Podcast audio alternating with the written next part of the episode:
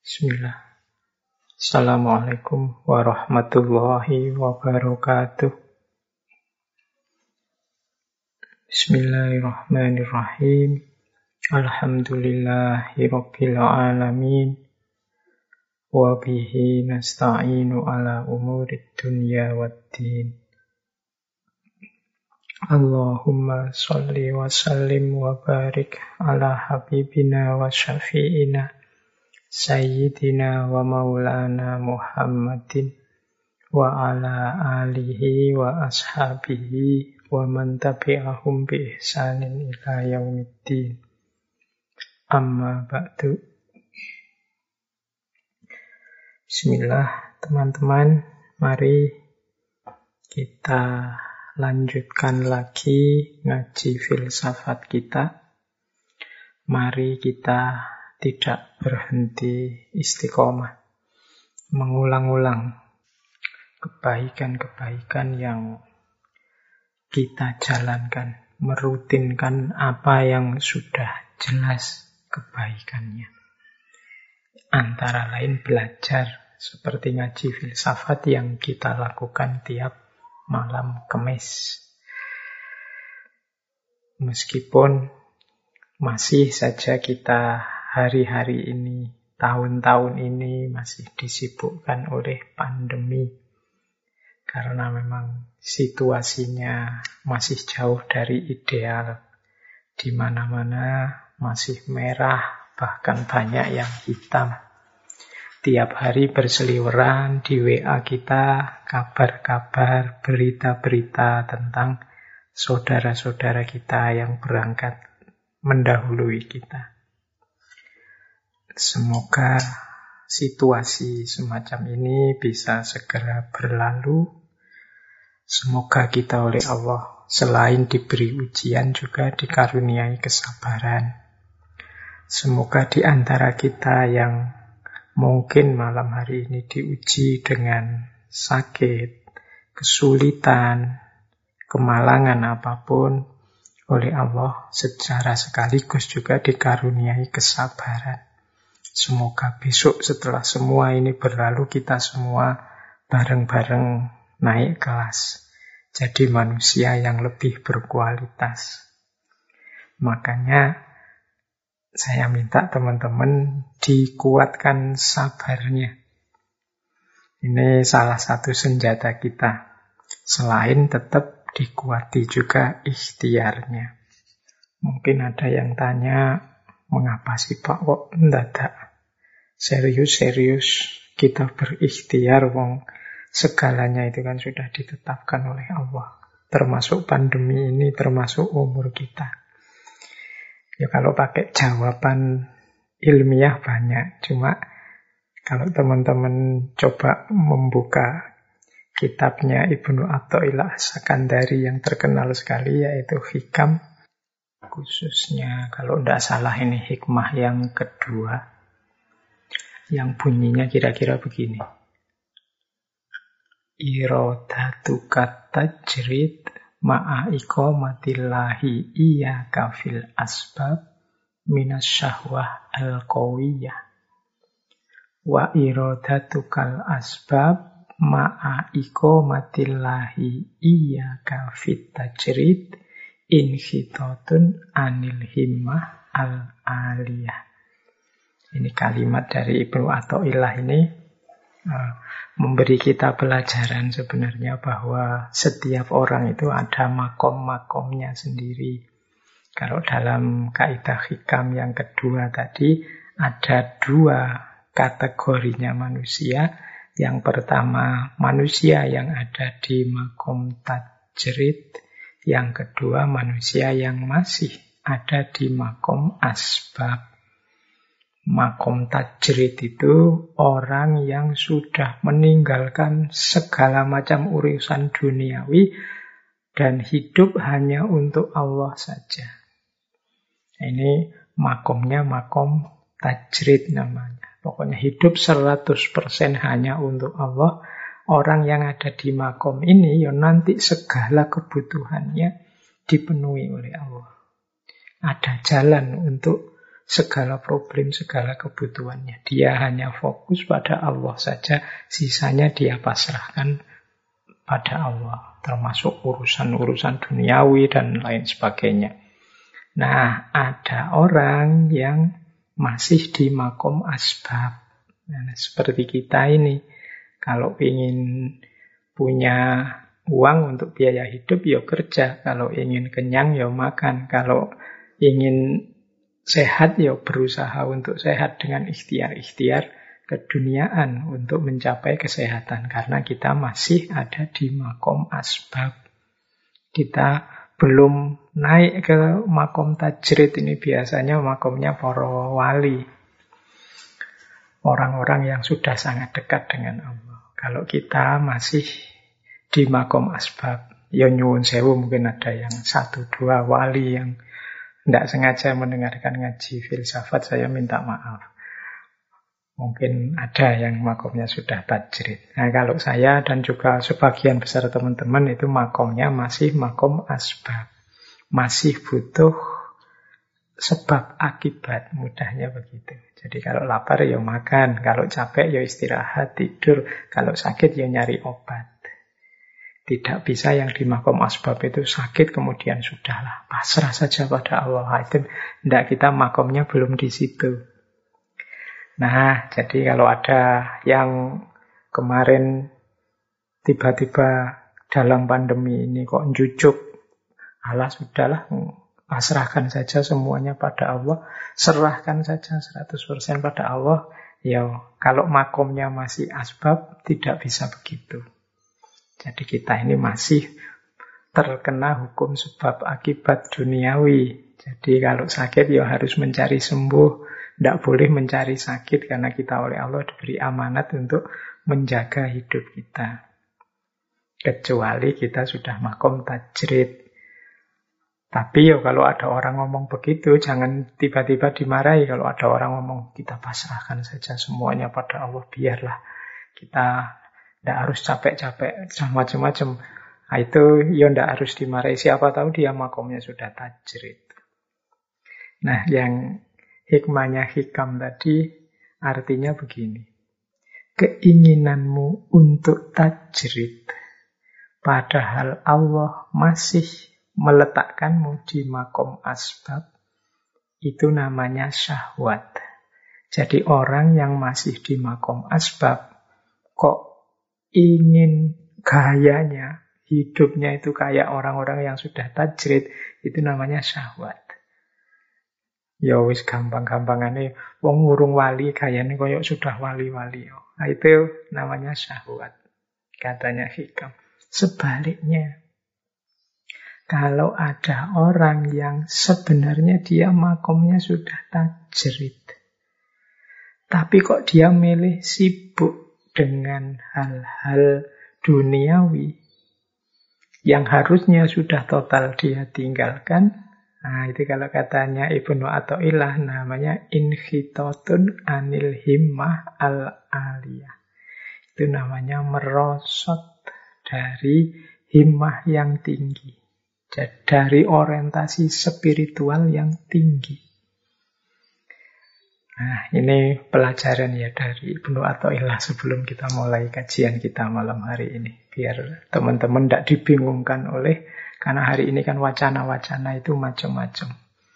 Jadi, yo berarti yang penting apa? Kita sadari makom kita, level kita, kemudian kita jalan di level kita. Jadi kalau tiba-tiba ada orang nyindir kita, wah katanya beriman, tapi kok Takut sama penyakit, menghindar-menghindarkan semuanya dari Allah. Ya jawabannya, makomku masih makom asbab. Jadi masih harus ngurusi sarana kehidupan karena masih terkena hukum sebab akibat duniawi. Menjalankan amanah Allah keduniaan dalam hidup ini. Nah, makomnya masih di situ. Nah, mungkin yang tanya tadi makomnya sudah tajrid. Kita juga tidak boleh menyalahkan. Jadi, nah, baik itu pengantar saja teman-teman tiba-tiba kok teringat yang seperti itu karena kemarin-kemarin banyak kita temui cara berpikir semacam itu. Baik, langsung saja kita mulai kajian kita. Malam hari ini kita akan mengulas, menggali gagasan-gagasan dari seorang filosof besar Yunani kuno dari kalangan sofis yang namanya Protagoras. Teman-teman yang rajin mengikuti ngaji filsafat mestinya pernah dulu mengikuti kajian tentang sofisme. Salah satu aliran filsafat yang terkenal sekali yang gagasan-gagasannya sering berlawanan dengan ide-ide yang dibawa oleh Socrates dan kawan-kawan. Protagoras ini salah seorang tokoh besar dalam aliran sofisme. Beliau ini hidup antara tahun 490-an sebelum Masehi sampai 420 setelah Masehi. Beliau ini tinggalnya sebenarnya tidak di Athena. Beliau lahir di daerah Laut Aegea yang ini letaknya antara Yunani dan Turki, Anatolia. Dan beliau kelahiran sana, tapi beliau ini memang sepanjang hayatnya dikenal suka berpindah-pindah, mengembara ke mana-mana dalam rangka mengajar. Jadi beliau ini sebelum nanti di akhir hidup beliau menetap di Athena, beliau ini sukanya keliling-keliling ke mana-mana ngajar. Seperti saya jelaskan dulu waktu sesi sofisme, orang-orang sofis ini ya kebanyakan para pengajar. Hanya saja memang cara mereka memperlakukan ilmunya, kalau pakai bahasa hari ini, itu bagi mereka ilmu itu semacam komoditas. Jalan untuk mencari penghasilan, jalan untuk mencari uang. Sehingga dengan ilmunya mereka ini kemudian mendatangi orang-orang kaya, mendatangi para pejabat untuk menawarkan kebijaksanaan-kebijaksanaan ilmu-ilmu yang mereka miliki. Sehingga nanti kemudian mereka ini terus diangkat jadi guru privat anak-anaknya pejabat, ngajari orang-orang kaya apa dan lain sebagainya. Kalau Protagoras ini beliau dikenal punya sahabat dekat di Athena namanya Pericles. Pericles ini pejabat dan nanti dia ini minta Protagoras untuk ikut menyusun konstitusinya Athena. Nah, bisa disebut ada yang bilang Protagoras ini orang pertama yang minta bayaran tinggi untuk mendidik. Yang yang narif. Jadi pokoknya saya mau ngajar kalau dibayar sekian. Nah ini ada yang bilang ini yang seperti ini pertama kali ini Protagoras. Kemudian beliau juga dikenal sebagai tokoh bapak dari relativisme. Nanti kita lihat ya. Mengapa kok beliau disebut bapak relativisme? Beliau juga dikenal sebagai bapak agnotisisme. Beliau nanti juga dikenal sebagai bapaknya debat. Nah, ini bisa dirasakan dari gelar bapaknya saja dia punya tiga gelar bapak ini. Berarti dia pelopor pertama, tokoh pertama yang menginisiasi gaya berpikir relativistik, gaya berpikir debat, dan juga cara berpikir agnostik. Nantinya agnostisismenya Protagoras ini membawa kemalangan-kemalangan dalam hidupnya. Karena gagasan-gagasannya yang mengkritisi keimanan, keberagamaan, dewa-dewanya orang Yunani saat itu, akhirnya Protagoras ini dituduh sesat buku-bukunya dibakar. Kemudian beliau dijatuhi hukuman mati Tapi beliau berusaha lari, menyelamatkan diri. Beliau lari naik kapal, tapi ternyata kemudian kapalnya tenggelam. Ada yang bilang ditenggelamkan. Ini ternyata cerita-cerita semacam ini itu dalam sejarah peradaban manusia banyak sekali kita temui. Jadi tuduhan-tuduhan sesat, ketidaksetujuan berpikir yang kemudian koalisi dengan kekuasaan politik, sehingga lahir korban-korban, sehingga membawa dampak-dampak negatif destruktif dalam peradaban manusia. Itu sering kita temui cerita-cerita semacam ini. Ternyata dialami juga oleh Protagoras. Terlepas dari setuju atau tidak setujunya kita dengan gagasan-gagasannya Protagoras ini nanti. Saya membahas Protagoras untuk bulan ini karena saya lihat ada beberapa di antara kita yang mungkin maunya tidak seperti itu, tapi ternyata cara berpikirnya mirip seperti itu. Seperti Protagoras ini. Nanti kita lihat ya.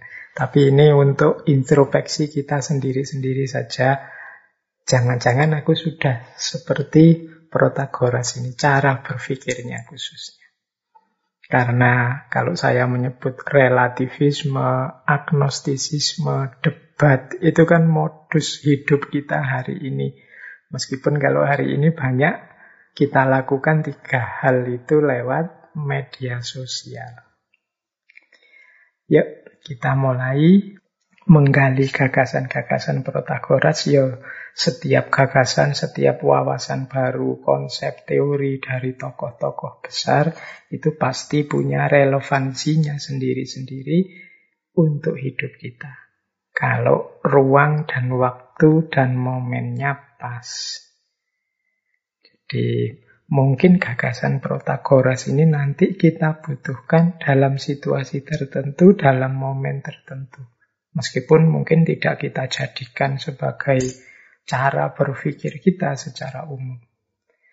Tidak mungkin tokoh-tokoh besar yang kita bahas dalam kajian filsafat kita itu yang gagasannya sama sekali tidak berguna. Nama besar yang mereka peroleh pasti mengindikasikan ada sesuatu sumbangan yang berharga dan penting untuk manusia dan kemanusiaan yang mereka berikan. Nah, semoga nanti kita bisa memakainya secara pas, sesuai ruang dan waktu dan momennya. Termasuk juga teman-teman nanti yang mungkin ada yang motong-motong kajian ini, kemudian di-share, ya monggo saja, tapi tolong sebutkan ini dalam ngaji apa, kapan, di tema apa.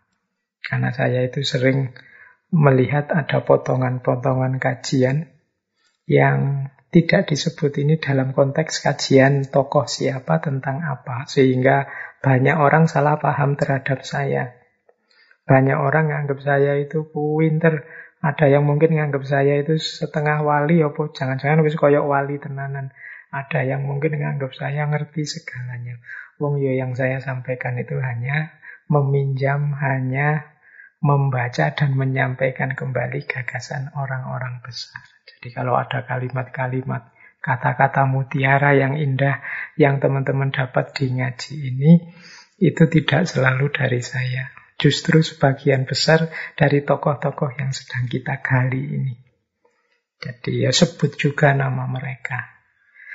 Saya khawatirnya kreditnya hanya diberikan pada saya, wong saya itu cuma menyampaikan saja. Jadi itu pesan saya ya untuk teman-teman, biar orang tidak salah paham.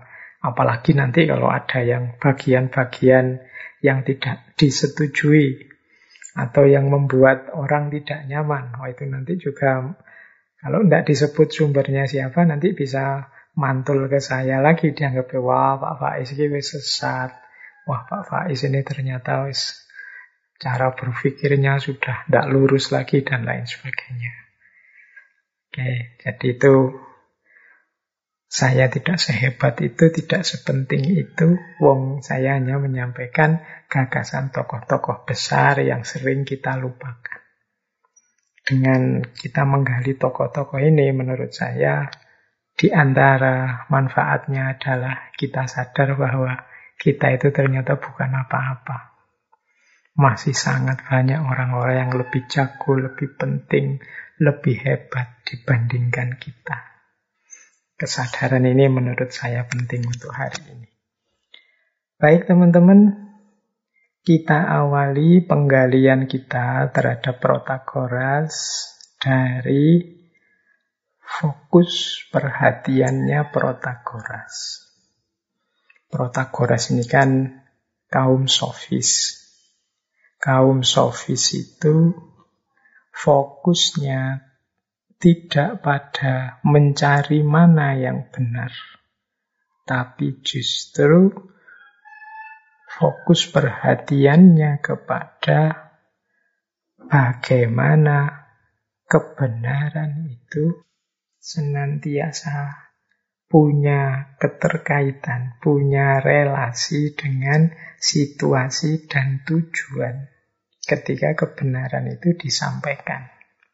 Jadi orang-orang sofis itu prioritas utamanya bukan pada kebenaran atau menemukan kebenaran, tapi bagaimana caranya menggunakan kebenaran itu sesuai tujuan yang diinginkan. Nah, ini fokusnya orang sofis. Jadi makanya tadi saya bilang ini hari ini kita banyak yang ada di titik ini khususnya ketika ada perbedaan-perbedaan pendapat dalam situasi pertarungan wacana yang banyak kita temukan di media-media sosial. Orang itu ternyata fokusnya bukan pada kebenarannya atau menunjukkan inilah yang benar. Tapi sebagian besar kita justru lebih fokus pada bagaimana caraku menggunakan kebenaran ini untuk mendukung tujuanku keinginanku, cita-citaku, kelompokku, dan lain sebagainya. Jadi ini nanti kalau disambung-sambungkan bisa ketemu wacana post-truth yang hari ini menggila. Jadi makanya disebut post-truth. Post-truth itu kan melampaui kebenaran. Jadi fokusnya tidak lagi kebenaran, tapi sejauh mana aku bisa menggunakan kebenaran ini untuk kepentinganku yang kepentingan itu bukan lagi kebenarannya, tapi kepentingan itu ya sesuai targetku, tujuanku. Mengapa punya pandangan semacam ini? Ya karena setiap sofis meyakini bahwa kebenaran itu sesuatu yang tergantung kepada ruang dan waktunya, kepada ruang dan budayanya. Jadi tidak ada kebenaran yang absolut mutlak. Yang ada selalu kebenaran versi-versi siapa. Oh ini benar versi dia, sementara kalau ini benar versiku. Nah ini pandangannya kelompok sofis, termasuk Protagoras. Jadi bagi Protagoras, dia mempertanyakan apakah ada kebenaran yang absolut. Karena menurut dia kebenaran itu sifatnya perspektif. Sesuai siapa yang melihat. Nah ini pandangannya Protagoras. Nah dari situ nanti Protagoras mengkritik para filosof sebelumnya. Yang populer sekali adalah kritiknya Protagoras pada para filosof dari Elia seperti Heraklitos dan kawan-kawan yang dulu juga pernah kita bahas.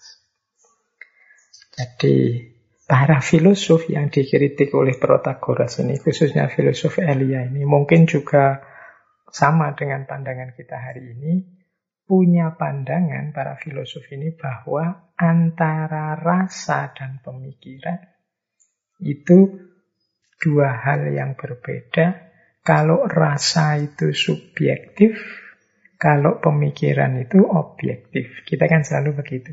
Kesan pribadi kita, kita menganggapnya subjektif. Sementara pemikiran kita, kita menganggapnya objektif. Jadi para filosof zaman itu juga punya pikiran seperti ini. Nah, Protagoras sebaliknya. Bagi Protagoras, dia tidak setuju kalau akal itu objektif dan universal. Justru akal itu ada di bawah rasa yang tadi dianggap subjektif. Bagi Protagoras, ukuran kebenaran itu justru yo aspek kesan atau rasa masing-masing orang tadi. Bukan aspek objektifnya. Contohnya, mudahnya begini wes. Misalnya ini, saya tidak tahu di tempatnya teman-teman malam ini situasinya seperti apa. Kalau saya bilang begini, wah malam ini hawanya agak panas ya. Loh, pernyataan saya malam ini hawanya agak panas, itu benar. Kenapa? Aku ngalami sendiri dan merasakan sendiri. Tapi ini kan tidak objektif dan tidak universal. Tapi benar. Wong aku ngalami sendiri, aku merasakan sendiri kok. Nah, mungkin teman-teman di rumah punya kesan yang berbeda. Wah, malam ini kok agak dingin ya Pak. Nggak seperti biasanya. Saya bilang agak panas, sampean bilang agak dingin. Kita sama-sama benar. Mengapa? Karena dasarnya adalah pencerapan kita sendiri pemahaman kita sendiri. Jadi inilah makanya menurut Protagoras ya justru kebenaran itu berawal dari kesan pencerapan setiap orang. Jadi masing-masing kita menghayati hidup ini kan versi-versi. Sesuai dengan pemahaman kita masing-masing. Jadi bagi saya enak, bagi teman-teman tidak enak. Suara saya ini mungkin bagi teman-teman, wah Pak Faiz kok suaranya lembut sekali. Enak didengarkan. Tapi yang lain, Pak Faiz kok suaranya pelan sekali. Harus susah payah ini untuk mendengarkannya. Dua kesan yang berbeda tapi sama-sama benar. Wong kalian yang tidak setuju menangkapnya seperti itu, yang setuju juga menangkap seperti itu. Jadi kebenaran itu ya ukurannya pemahamanmu, pencerapanmu sendiri ukurannya orang lain tidak bisa dipakai untuk ukuranku.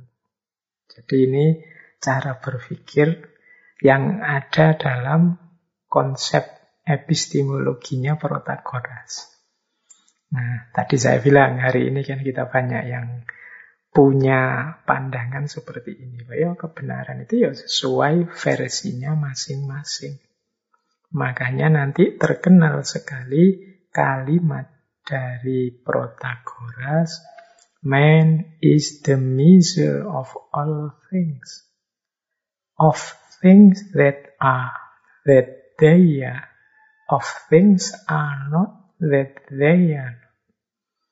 Jadi manusia adalah ukuran segala sesuatu. Baik segala sesuatu yang ada seperti adanya, atau segala sesuatu yang tidak ada seperti ketiadaannya. Ukurannya manusia. Baik, buruk, benar, salah, apa pun yang ada kata Protagoras itu kan yang memutuskan manusia. Bahkan sampai nanti wilayah ketuhanan Tuhan itu ada atau tidak kan yang memutuskan manusia. Ukurannya manusia. Jadi man is the measure of all things. Manusia adalah ukurannya segala sesuatu. Ini membalik kita bulan lalu kan membahas tentang etika lingkungan itu. Yang wanti-wanti bener. Jangan sampai manusia itu adigang adigung adiguno merasa di atas alam. Protagoras justru sebaliknya ndak ukurannya tetap manusia kalau manusia merasa dirinya bagian dari alam, jadilah itu. Atau manusia merasa dirinya di atas alam, jadilah itu. ukurannya manusia. Jadi makanya man is the measure of all things. Manusia itu ukurannya segala sesuatu. Mungkin kita keberatan dengan pernyataan ini, tapi nanti dulu kita selami dulu. Kalau kalau tiba-tiba kita keberatan, nanti kita tidak ketemu manfaatnya man is the misery. Nah, kalau Plato menafsirkan kalimatnya Protagoras ini karena kita sebenarnya mengetahui gagasan-gagasan Protagoras ini sebagian besar jasanya Plato. Jadi di antara dialog-dialognya Plato itu ada yang judulnya Protagoras.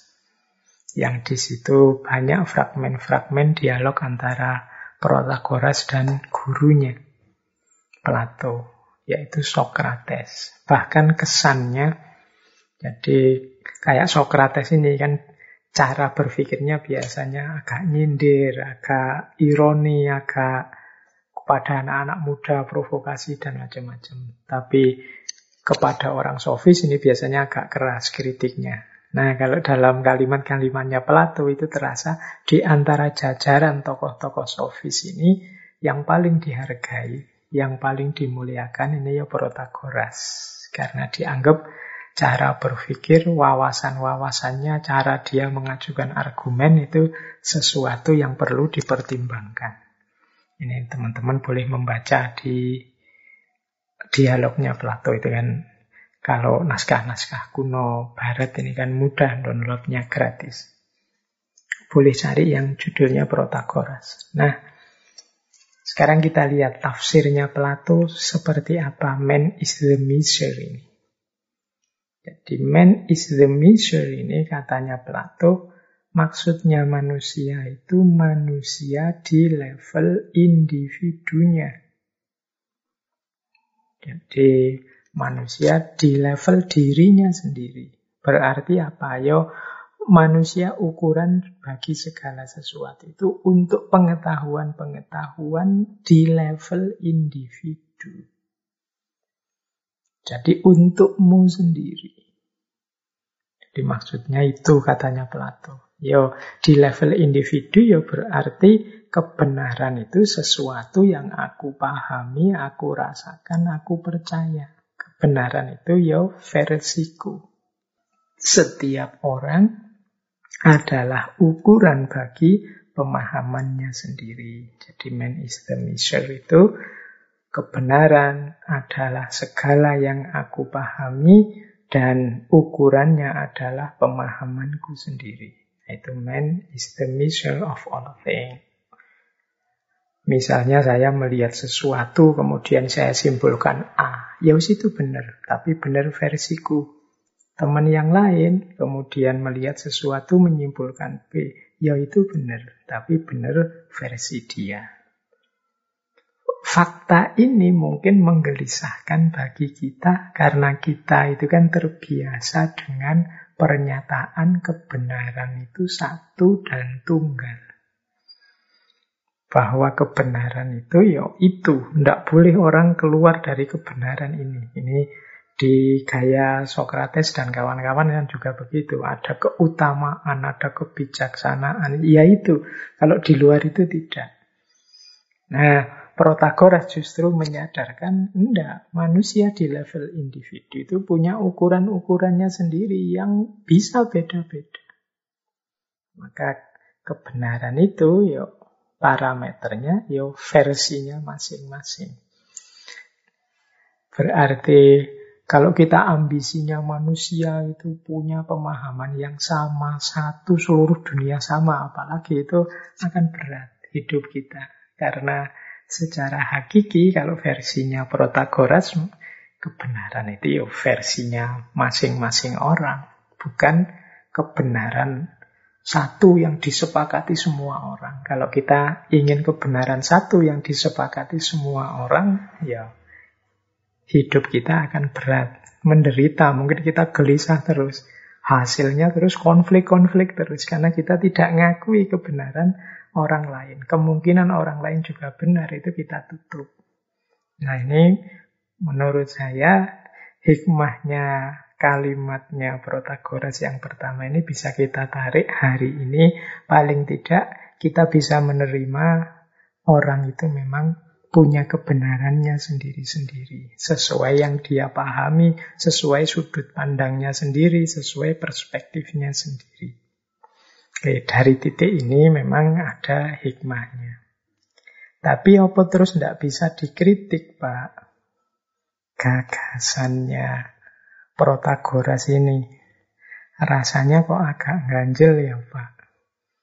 Nah, kita lihat sekarang. Yo memang kritik terhadap gagasan man is the measure of all thing ini ya sudah banyak dilakukan. Kalau dalam filsafat ada faham namanya solipsisme.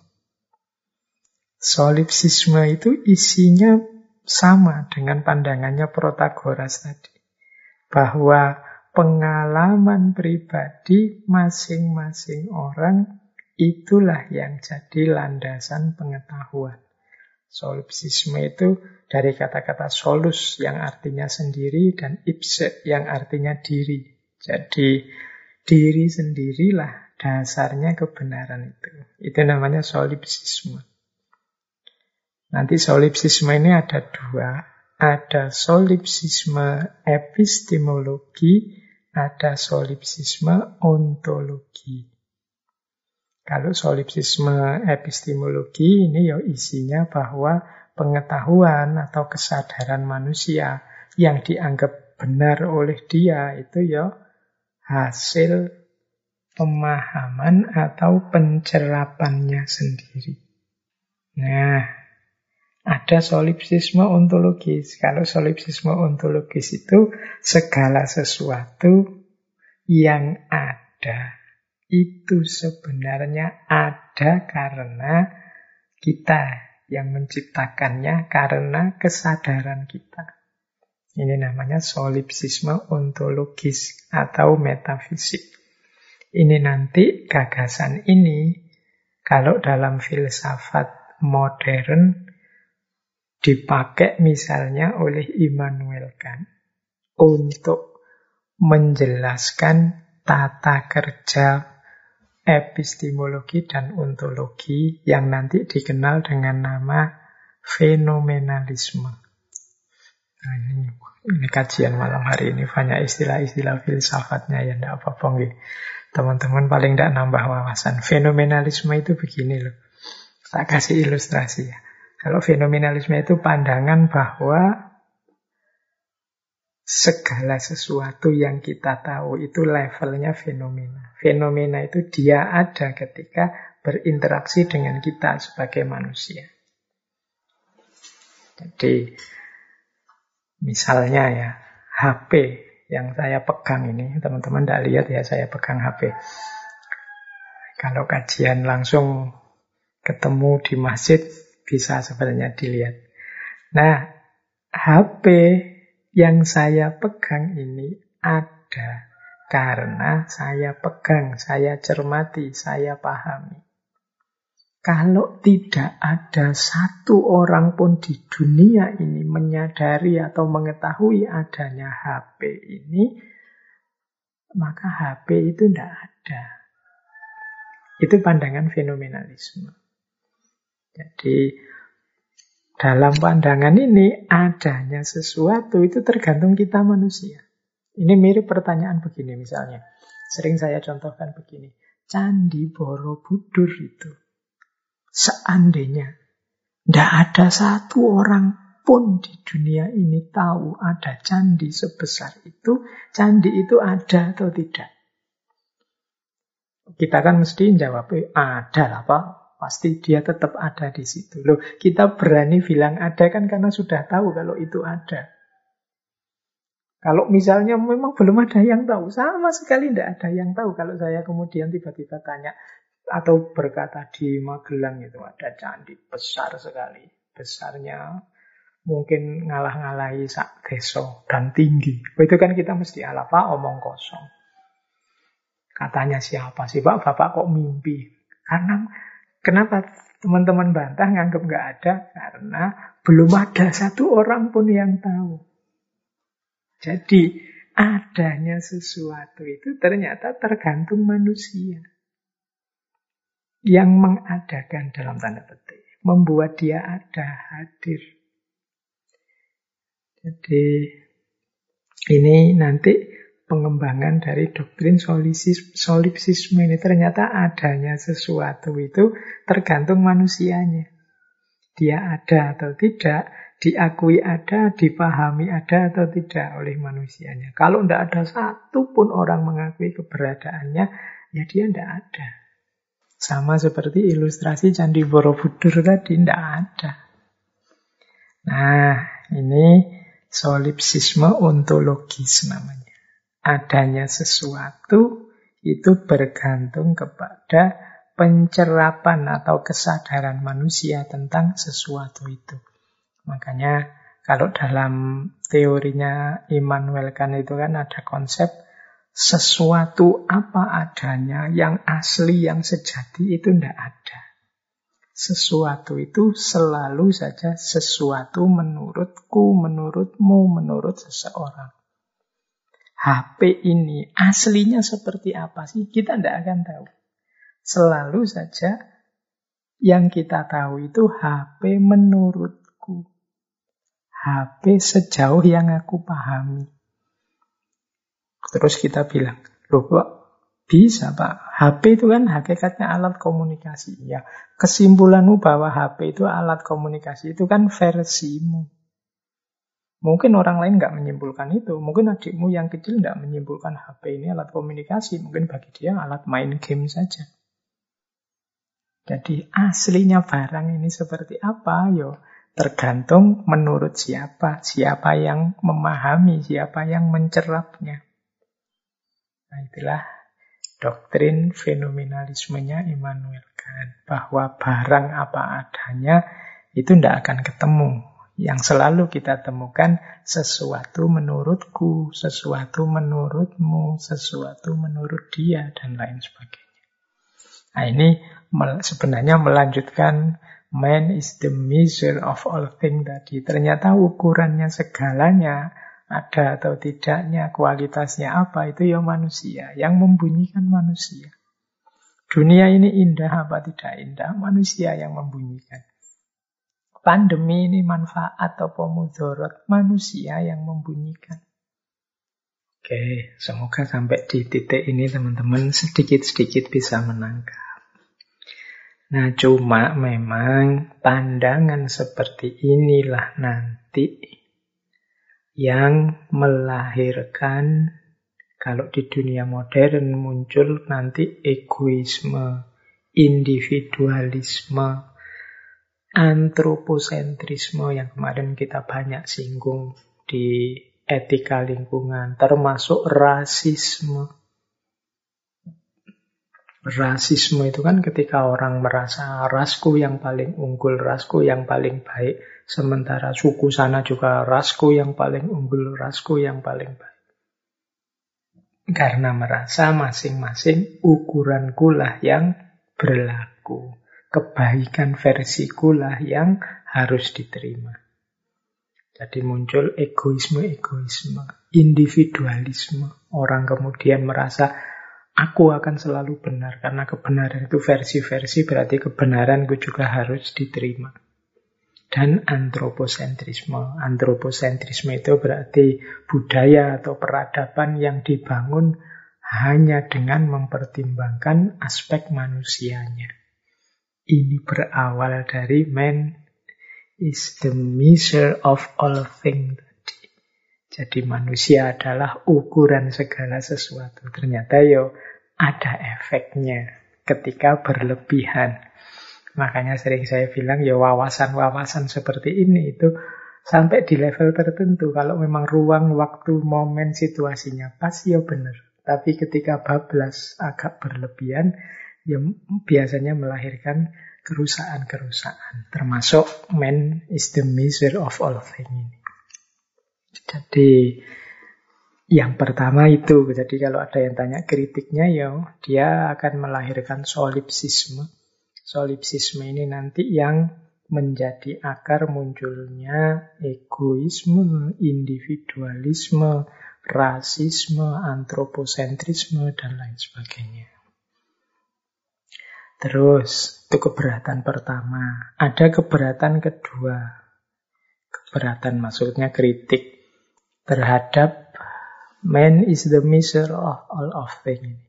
Yaitu peritrop dalam bahasa Yunaninya atau self-refuting.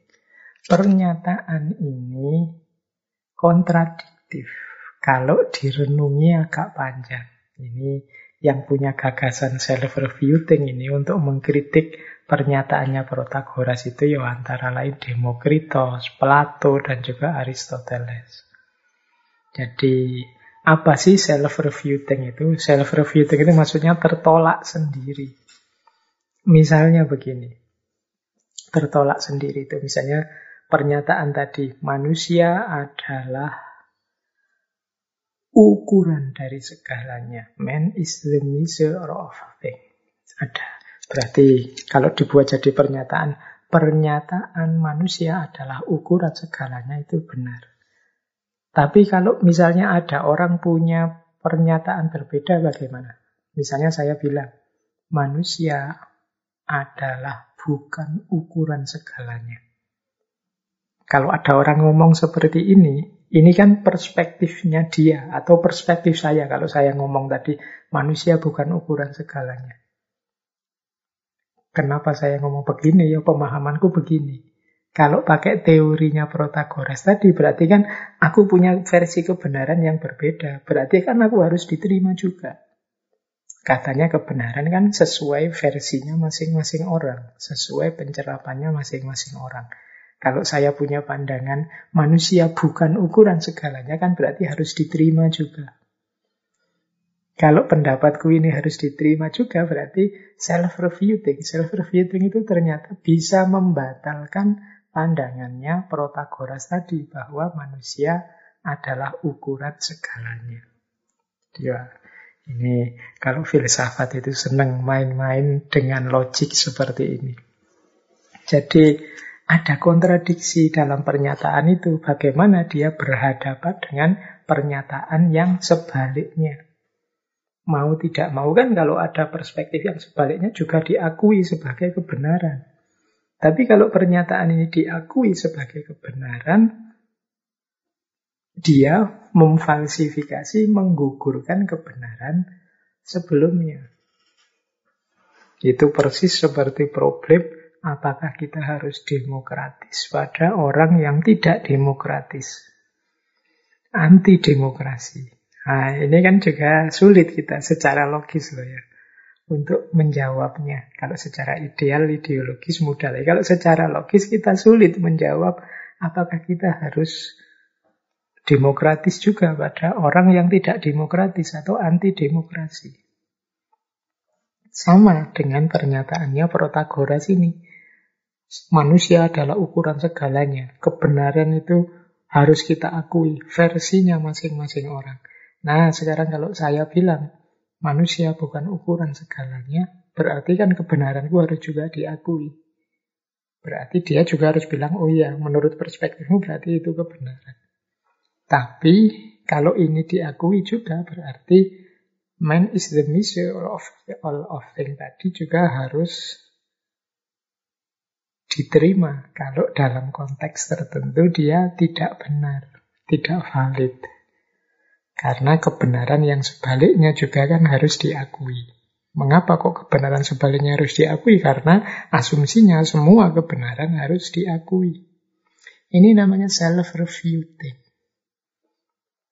Ini zaman dulu awal-awal ngaji filsafat ketika membahas logika ini banyak. Saya contohkan hal-hal yang self-refuting ini. Yang saya ingat misalnya begini. Kalau saya bilang misalnya, ini cuma contoh ya, ini kalimat-kalimat kontradiktif. Kalau dalam bahasa filsafat ini model-model berpikir tautologis, yang bulat. Misalnya, kalau saya bilang semua orang Indonesia itu bodoh, pembohong semua. Nah, hasilnya saya bilang begini, kalau saya bilang semua orang Indonesia itu pembohong. Padahal kenyataannya saya juga orang Indonesia. Loh, pernyataanku semua orang Indonesia pembohong itu berarti kan kena juga pada diri saya. Aku orang Indonesia. Berarti aku juga pembohong kan?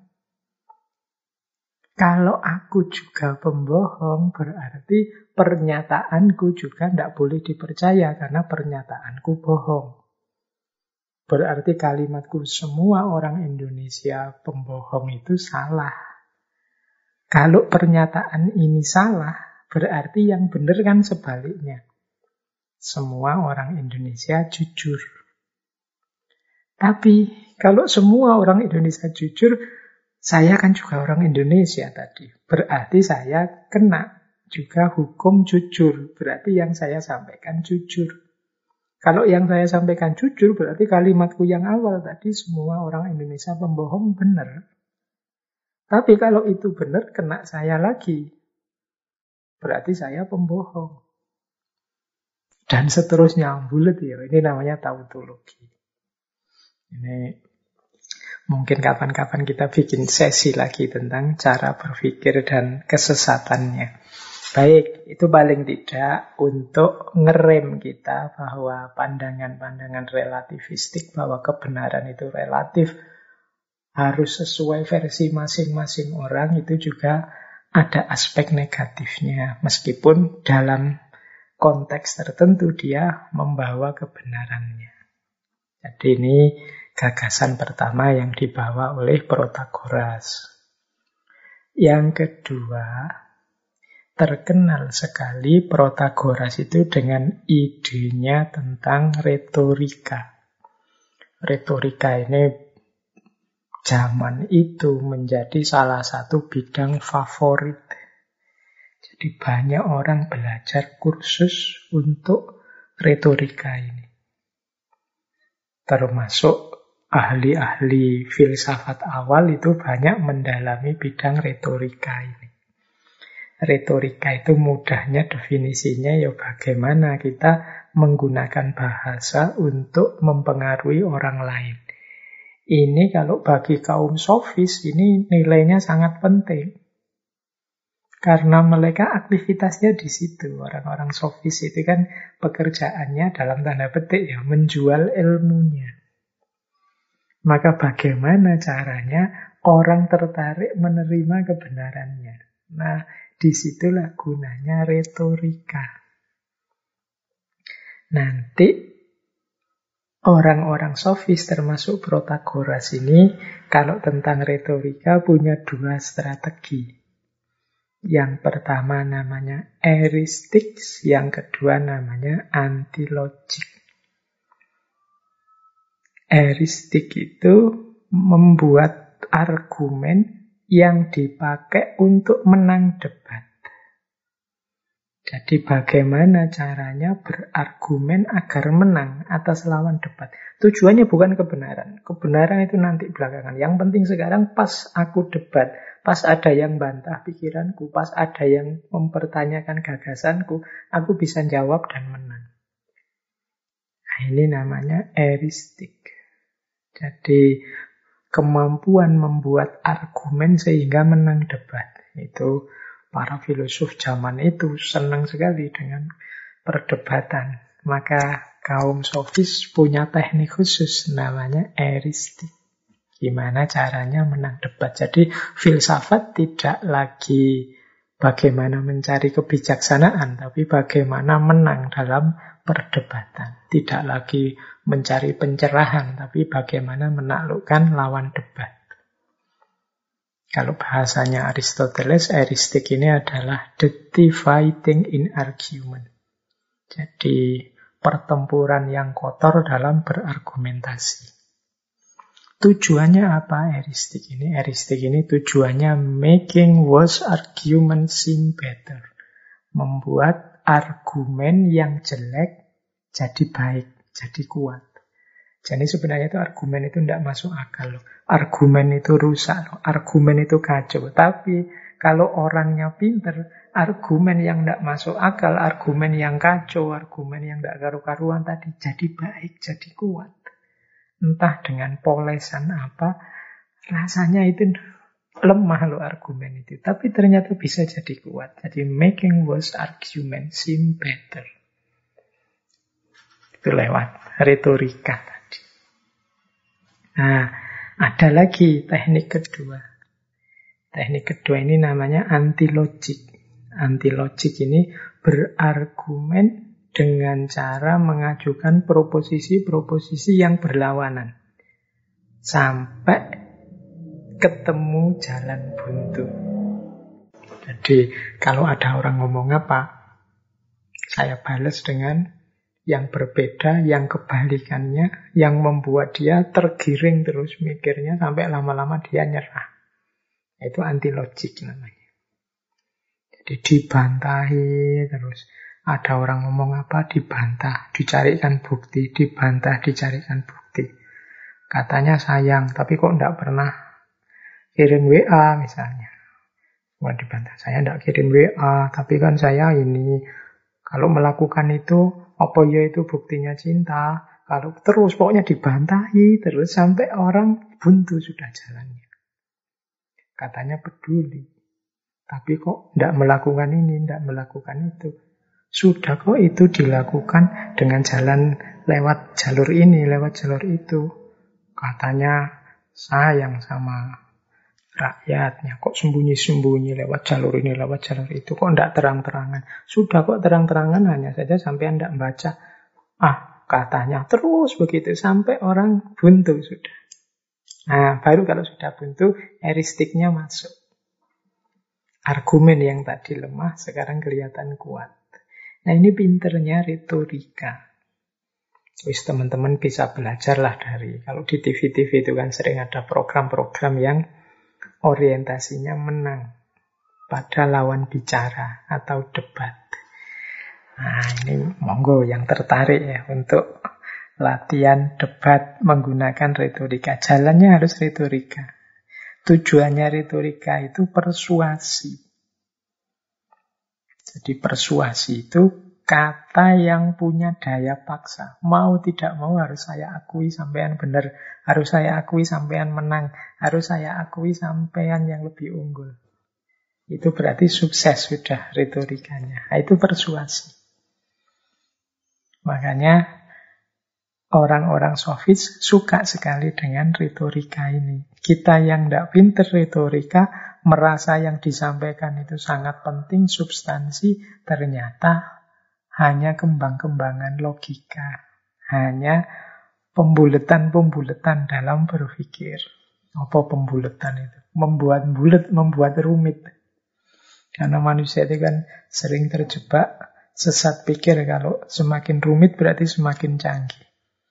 Semakin susah dipahami berarti semakin ilmiah, semakin filosofis. Oh itu bisa dipakai trik ini jenis retorika juga. Biar teman-teman menganggap saya orang pinter terus ngomongnya tak ilmiah-ilmiah kan tak filosofis-filosofis kan. Tak bikin bulat dengan istilah-istilah canggih yang saya sendiri tidak paham. Tapi pokoknya ngomong wae dengan istilah keren itu. Wah terus orang kagum dengan saya. Wah wong pinter ini mesti orang canggih ini mesti. Nah, itu jenis retorika juga ini kan tidak substantif wong cuma kemasan kan kata-kata itu bukan inti kebenarannya. Tapi orang jadi percaya gara-gara dikemas dengan retorika-retorika tadi. Nah, tujuannya persuasi. Orang menganggap kata-kata kita punya kekuatan, punya daya paksa. Kuncinya retorika itu namanya kairos. Jadi, apa kairos itu? Mengatakan sesuatu dengan kata-kata yang pas di waktu yang pas. Itu orang pointer sudah. Ahli retorika itu tahu kapan ha, saya harus mengatakan ini dalam situasi apa. Jadi orang yang ngerti retorika itu tidak semua amunisi argumennya diobral. Dia biasanya lebih taktis untuk melihat kapan saya harus ngomong, kapan saya harus diam dulu, dataku yang ini keluarnya kapan. Nah, itu Orang ahli retorika ngerti yang seperti itu. Dan ini juga yang disarankan oleh Protagoras kepada murid-muridnya.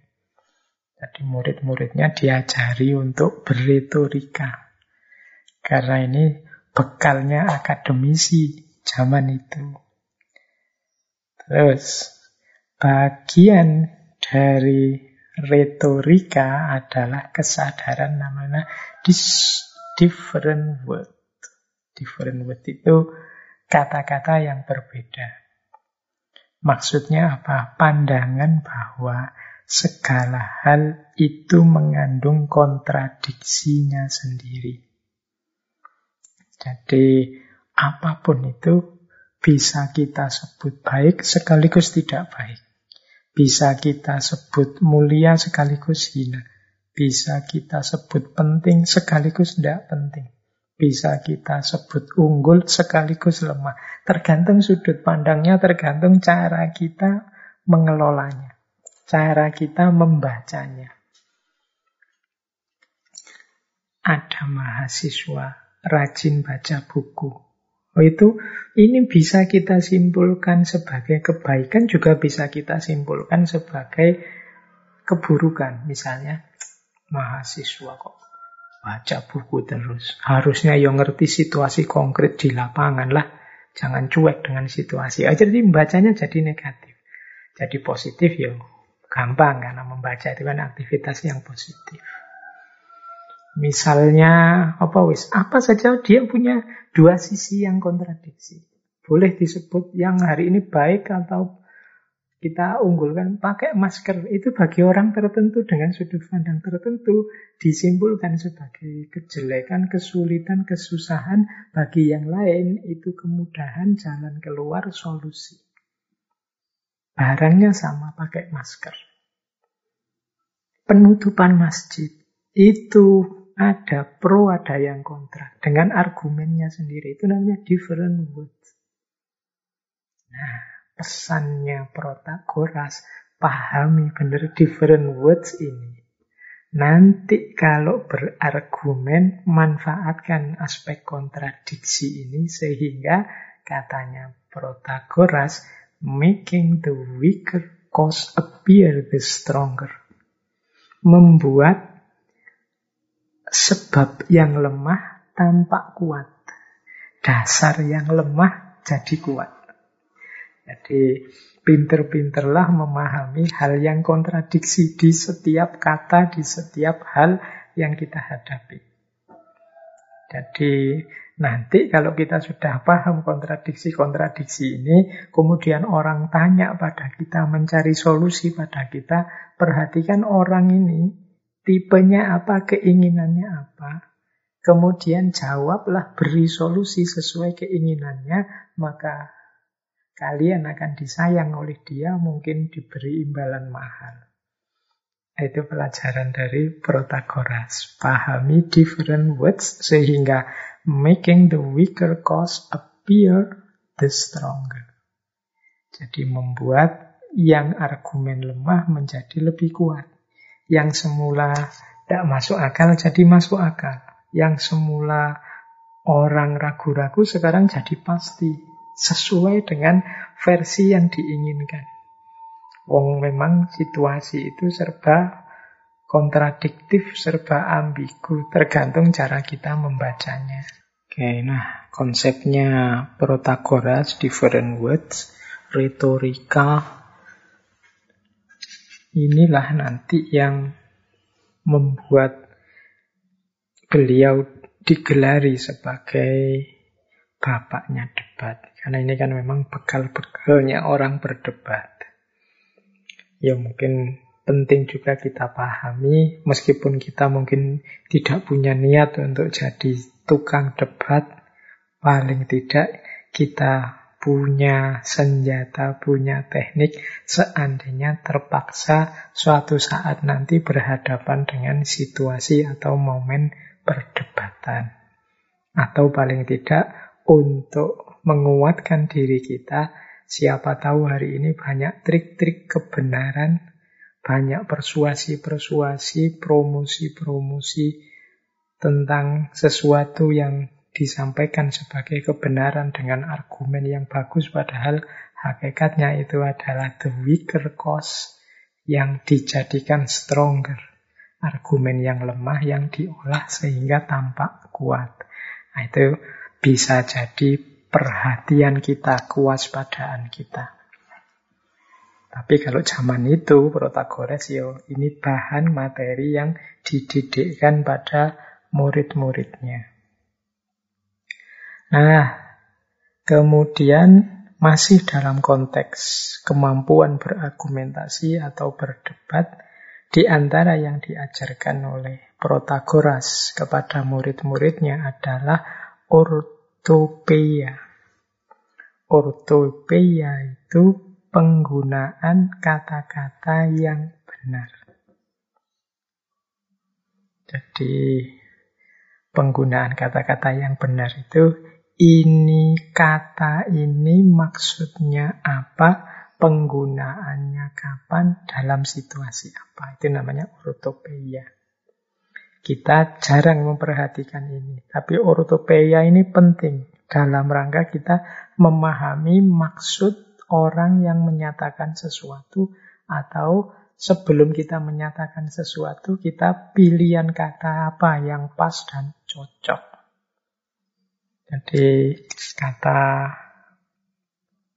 Protagoras, the best speech therefore is not the speech that is true, but the speech that is correct. The speech best suited to the situation at hand and most capable of outdoing others from a formal and logical perspective, an irrefutable logos. Jadi pernyataan atau penyampaian atau ceramah yang terbaik. Oleh karena itu bukan pernyataan yang benar, tetapi pernyataan yang tepat ceramah yang tepat. Jadi bukan kebenaran yang penting itu pertama-tama, tapi ketepatan. Jadi kebenaran kalau diungkapkan dengan kata kalimat yang tidak tepat, ya akan disalahpahami orang, mengundang pemahaman yang keliru. The speech, jadi pernyataan itu harus sesuai dengan situasinya dan mampu menaklukkan yang lain baik dalam perspektif logis maupun formal, yaitu an irrefutable logos. Jadi logos itu kebenaran cara berpikir yang tidak mungkin dibantah. Jadi ortopeia itu benar atau salahnya buktinya adalah ketika dia sudah tidak bisa dibantah lagi. Nah ini penting bagi kita untuk memahami penggunaan kata yang benar. Baik sebagai pilihan-pilihan sebelum kita menyampaikan maupun sebagai pembacaan kita terhadap pernyataannya orang lain, orang bicara. Itu kan juga milih diksi-diksi kata-kata yang menurut dia sesuai. Nanti ortopeia ini juga berhubungan dengan taksonomi. Taksonomi itu ya. Pemilahan, pembagian, atau pengelompokan tindak tutur. Jadi ini semacam melihat kalau ada orang bicara, orang ngomong dengan kata-kata itu atau pernyataan itu. Ini maksudnya menegaskan atau maksudnya dalam rangka memerintah atau maksudnya santai ini guyon saja atau ini sebenarnya konteksnya ya untuk mencairkan suasana saja dan lain sebagainya. Ini, juga berhubungan dengan ortopeia. Misalnya malam hari ini saya ingin menyampaikan sesuatu. Ini maksudnya memberitahu saja atau memerintah atau intermezzo saja daripada nganggur dan lain sebagainya. Itu pilihan-pilihan katanya harus tepat.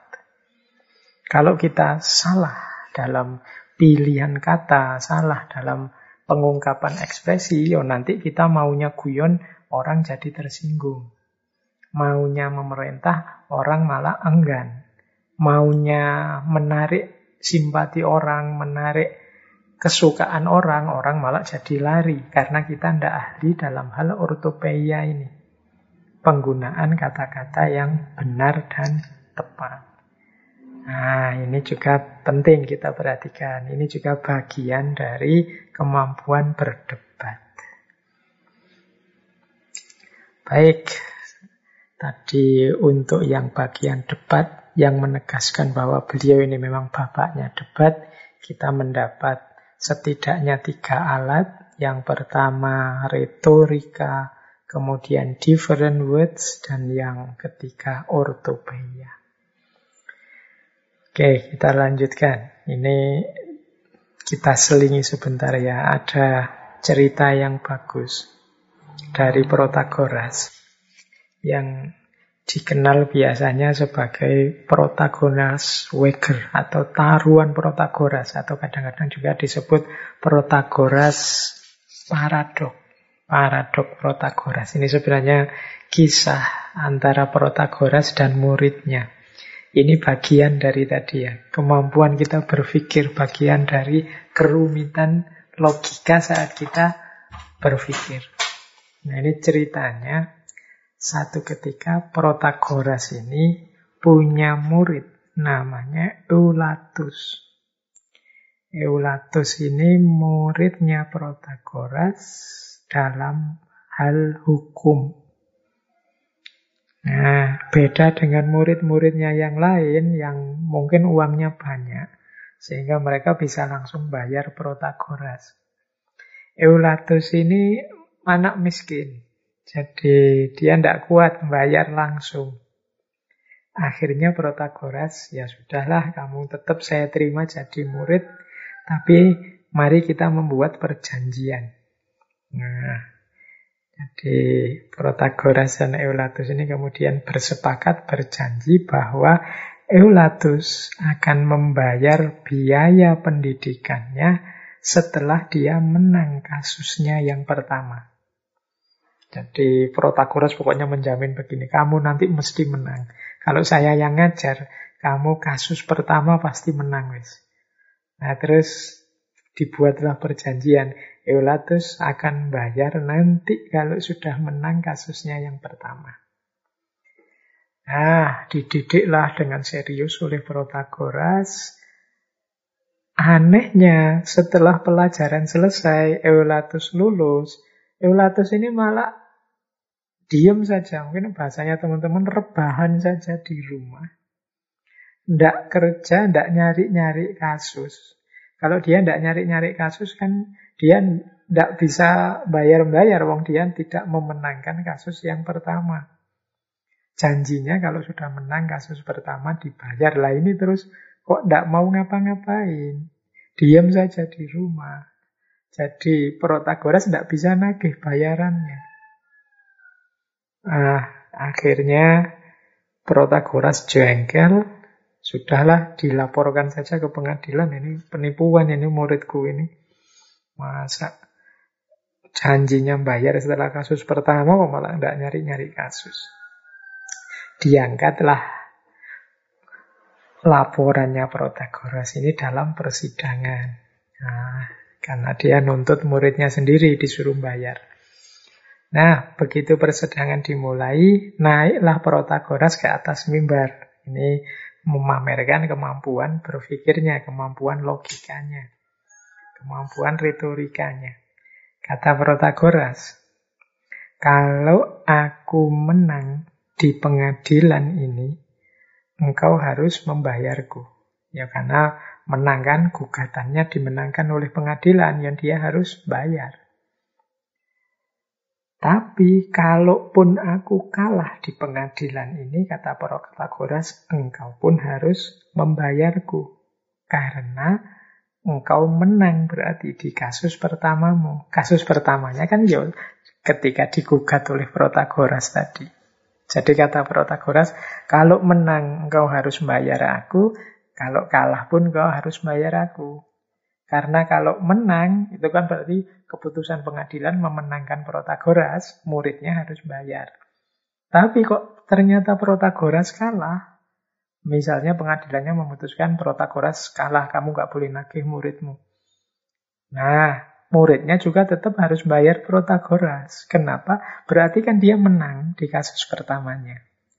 Nah, jadi dengan kemampuan retorikanya Protagoras merasa wis pokoknya menang. Mau tidak mau apakah menang atau kalah aku harus dibayar. Nah, karena Eulatus ini juga muridnya Protagoras, dia juga tidak mau kalah. Dia pun naik ke mimbar berkata seperti gurunya tadi. Kata Eulatus, tidak seperti itu guru, cara berpikirnya tidak begitu. Cara berpikirnya begini, kata muridnya. Kalau saya menang, berarti saya tidak harus membayarmu. Karena ya dia dalam digugat oleh gurunya untuk bayar, tapi kan dia menang. Berarti dia tidak harus bayar gurunya. Jadi kalau saya menang, saya tidak harus bayar padamu. Tapi kalau saya kalah, saya pun tidak harus bayar. Mengapa? Oh, karena saya kalah dalam kasus pertama saya. Janjinya saya bayar kalau saya menang di kasus pertama.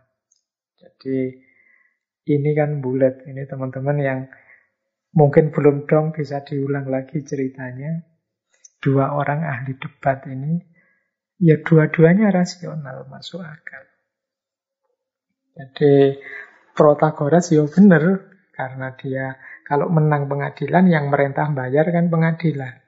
Tapi kalau dia kalah, dia tetap harus dibayar karena muridnya menang kasus yang pertama. Muridnya juga kan benar begitu. Kalau dia menang, berarti dia kan tidak harus bayar wong gagas. Gugatannya ditolak oleh pengadilan, berarti dia menang. Gugatan gurunya dibatalkan oleh pengadilan. Dia tidak harus bayar. Tapi kalau dia kalah, dia pun tetap tidak harus bayar karena dia kalah di kasus pertama. Harusnya dia bayar kan kalau menang di kasus pertama. Protagoras yo bener, Ulatus yo bener. Yo sama-sama ahli retorika. Jadi ya ini yang terjadi kalau dasar berpikirnya hanya retorika saja, yang substansinya kemudian hilang. Ini contoh Protagoras paradok atau Protagoras Weger. Baik, ya ini apa namanya ilustrasi-ilustrasi. Boleh teman-teman nanti yang belum bisa menangkap pelan-pelan ditangkap, didengarkan lagi, diulang-ulang biar ketemu di mana kontradiksi berpikirnya. Ya lumayan untuk menemani saat WFH seperti sekarang ini. Baik, kita lanjutkan elaborasi kita terhadap gagasannya Protagoras. Sekarang kita geser ke ranah sosial politik. Ini kalau teman-teman membaca dialognya Plato, di situ ada fragmen bagaimana Protagoras mengajarkan apa? Tentang politik kepada Sokrates dan kawan-kawan. Jadi seperti apa sih hidup manusia baik sebagai individu maupun secara politik. Nah, Protagoras itu dalam buku dialognya Sokrates itu mengajarkan hakikat politik dari mitos-mitos Yunani yang dipakai sebagai cerita, simbol dari pelajaran politik itu adalah dewa Yunani yang namanya Prometheus. Kalau teman-teman membaca kisah dewa-dewa Yunani kan Prometheus ini adalah salah seorang dewa yang dikenal kecerdasannya dan keahliannya. Tapi dia kemudian mencuri apinya Zeus, memberikannya pada manusia. Akhirnya Zeus menghukum Prometheus ini karena kejahatannya ini dia diikat di sebuah batu. Kemudian ada burung elang yang setiap hari datang mematuk-matuk dan makan hatinya. Sampai hatinya hancur. Tapi kemudian hatinya tumbuh kembali, segar kembali. Besoknya elang itu datang lagi, matuk-matuk lagi, hancur lagi. Tumbuh lagi, besoknya datang lagi. Ini dihukum dengan model hukuman yang absurd semacam itu. Nah, sebenarnya dalam kisahnya Prometheus ini ada pelajaran politik kalau menurut ceritanya Protagoras. Jadi begini cerita lengkapnya. Kalau tadi kan kayak trailernya saja.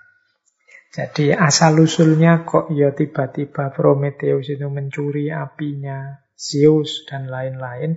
Itu kenapa? Wong dia sudah dipercaya oleh Zeus. Dia dewa yang dikenal pinter, ganteng, ahli. Kok melakukan itu? Jadi pada satu ketika, ketika saatnya para dewa menciptakan makhluk-makhluk, termasuk manusia.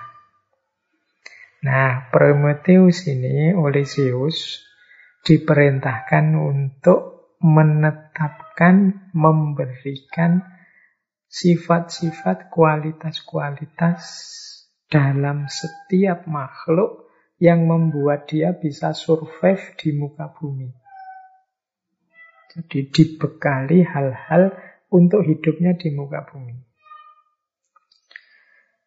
Nah, oleh Prometheus, tugas ini kemudian dipasrahkan pada adiknya. Namanya Epimetheus. Epimetheus ya menjalankan amanah dari kakaknya. Sayangnya Epimetheus ini lupa. Yang dilupakan oleh Epimetheus apa? Manusia. Semua makhluk yang lain sudah diberi segala macam sifat, karakter, kualitas, kebutuhan untuk memenuhi hidup di dunia. Tinggal manusia yang belum.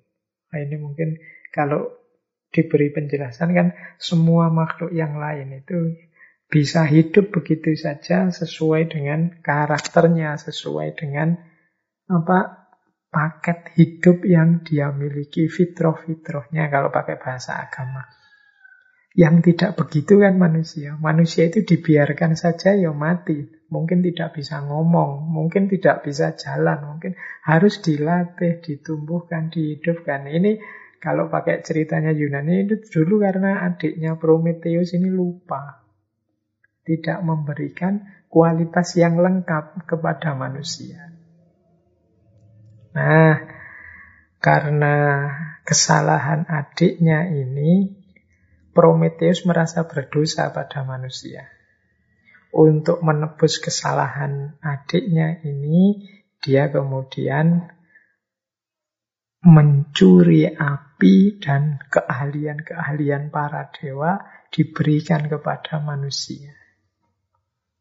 Jadi ini nanti membuat manusia punya sifat, punya karakter kedewaan, ketuhanan.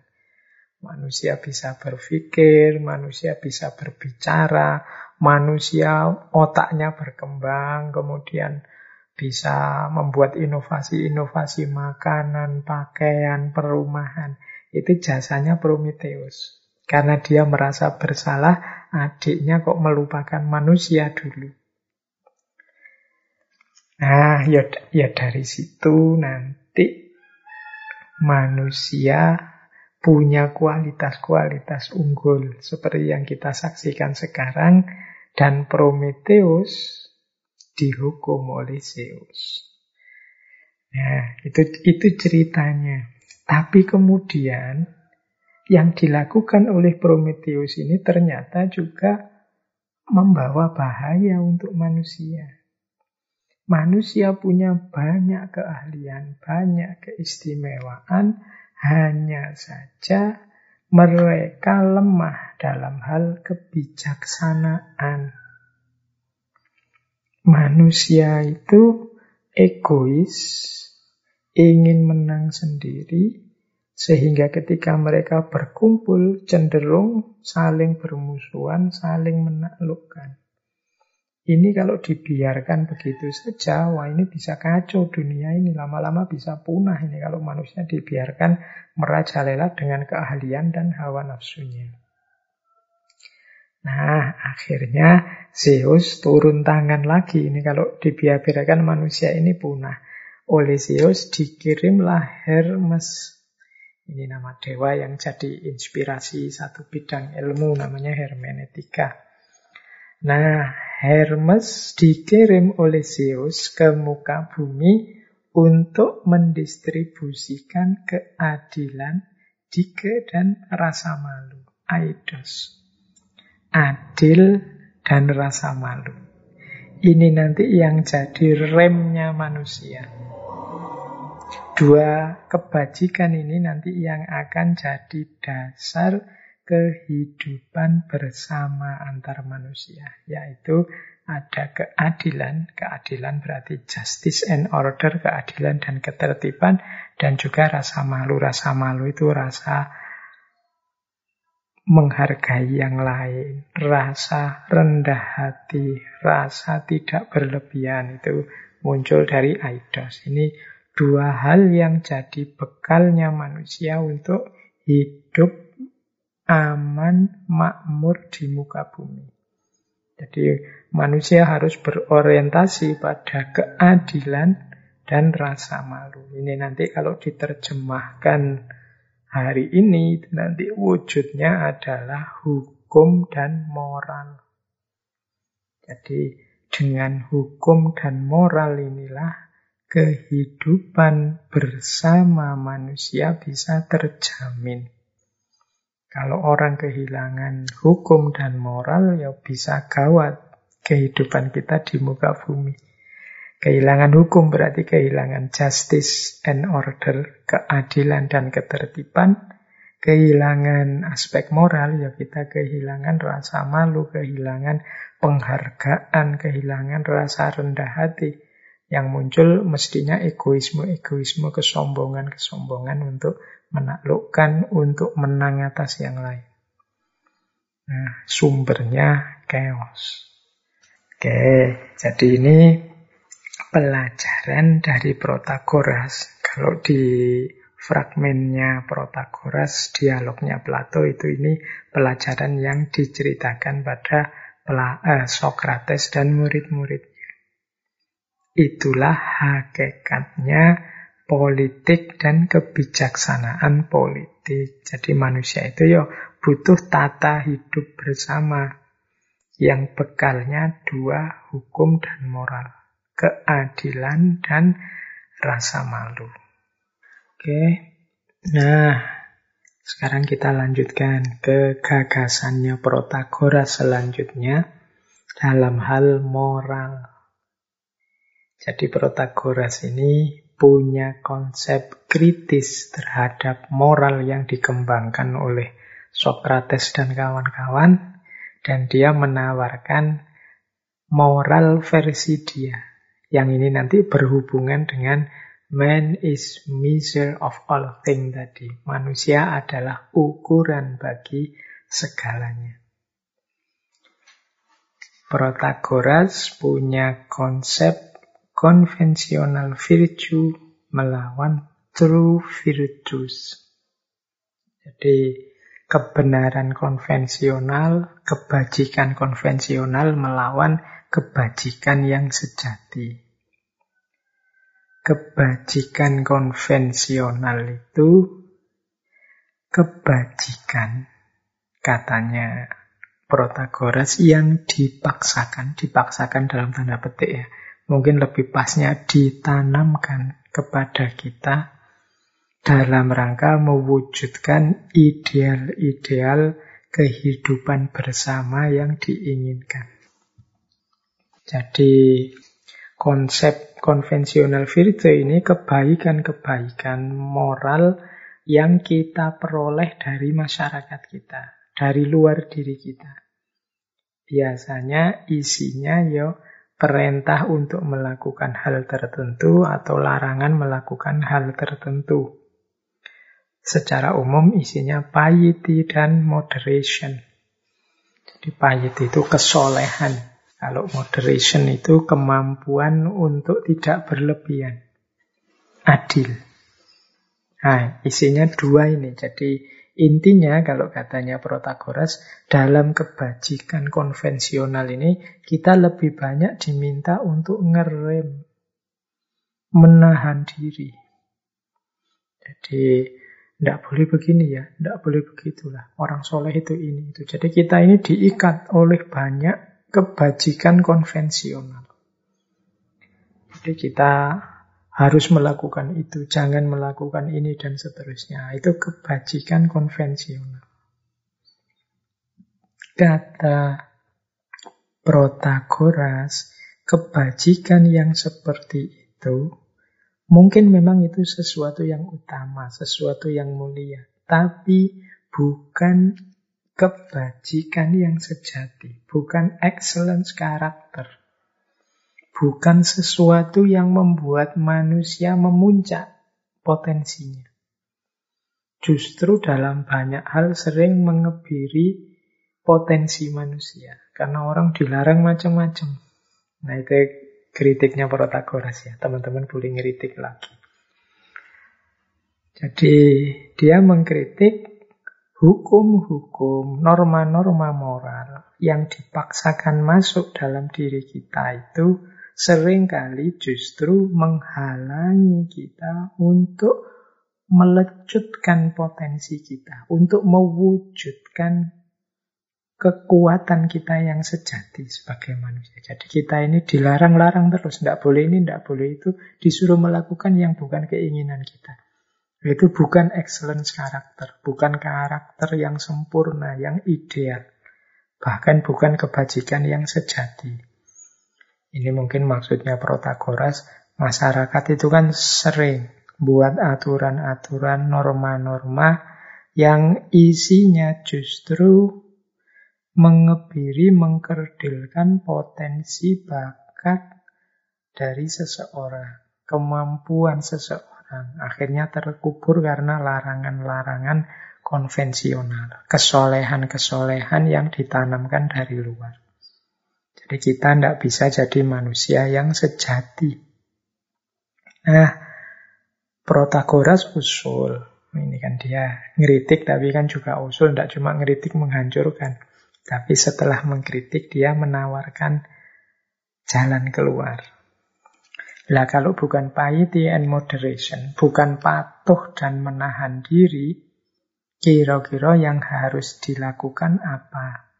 Kata Protagoras, dasarnya jangan patuh atau menahan diri, tapi dasarnya adalah kebebasan.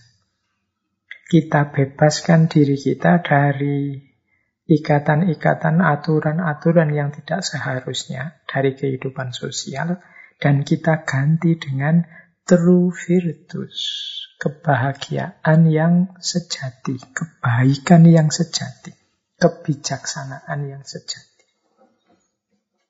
Jadi, apa itu kalau tadi konvensional virtus itu isinya piety and moderation, kalau True virtus itu isinya wisdom and courage.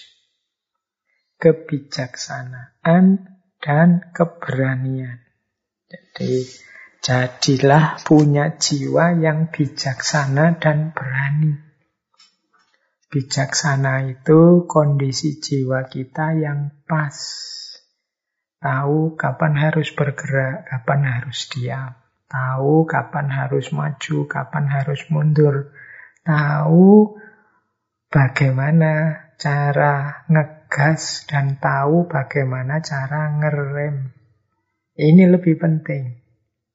Jadi bukan diatur dari luar diri, disetir dari luar diri melalui perintah-perintah kepatuhan atau larangan-larangan. Tapi kesadaran diri melalui wisdom dan courage. Courage itu keberanian. Kalau memang tidak cocok, berani berkata tidak. Kalau memang cocok, oke, okay, berani mengiyakan. Itu namanya courage. Kalau sudah ketemu yang dianggap benar, berani menghidupkan.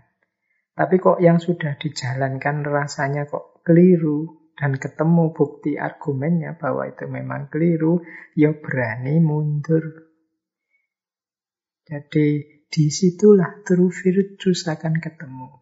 Jadi kebijaksanaan yang sejati akan membentuk diri kita sebagai excellence karakter, yaitu wisdom and courage tadi.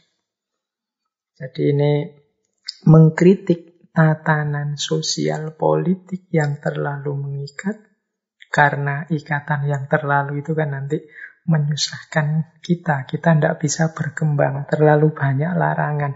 Ini tidak boleh, itu tidak boleh, dan lain sebagainya. Kita geser ke yang lebih sejati. Yang tidak mengkerdilkan potensi kemanusiaan kita, tapi juga tidak tanpa aturan.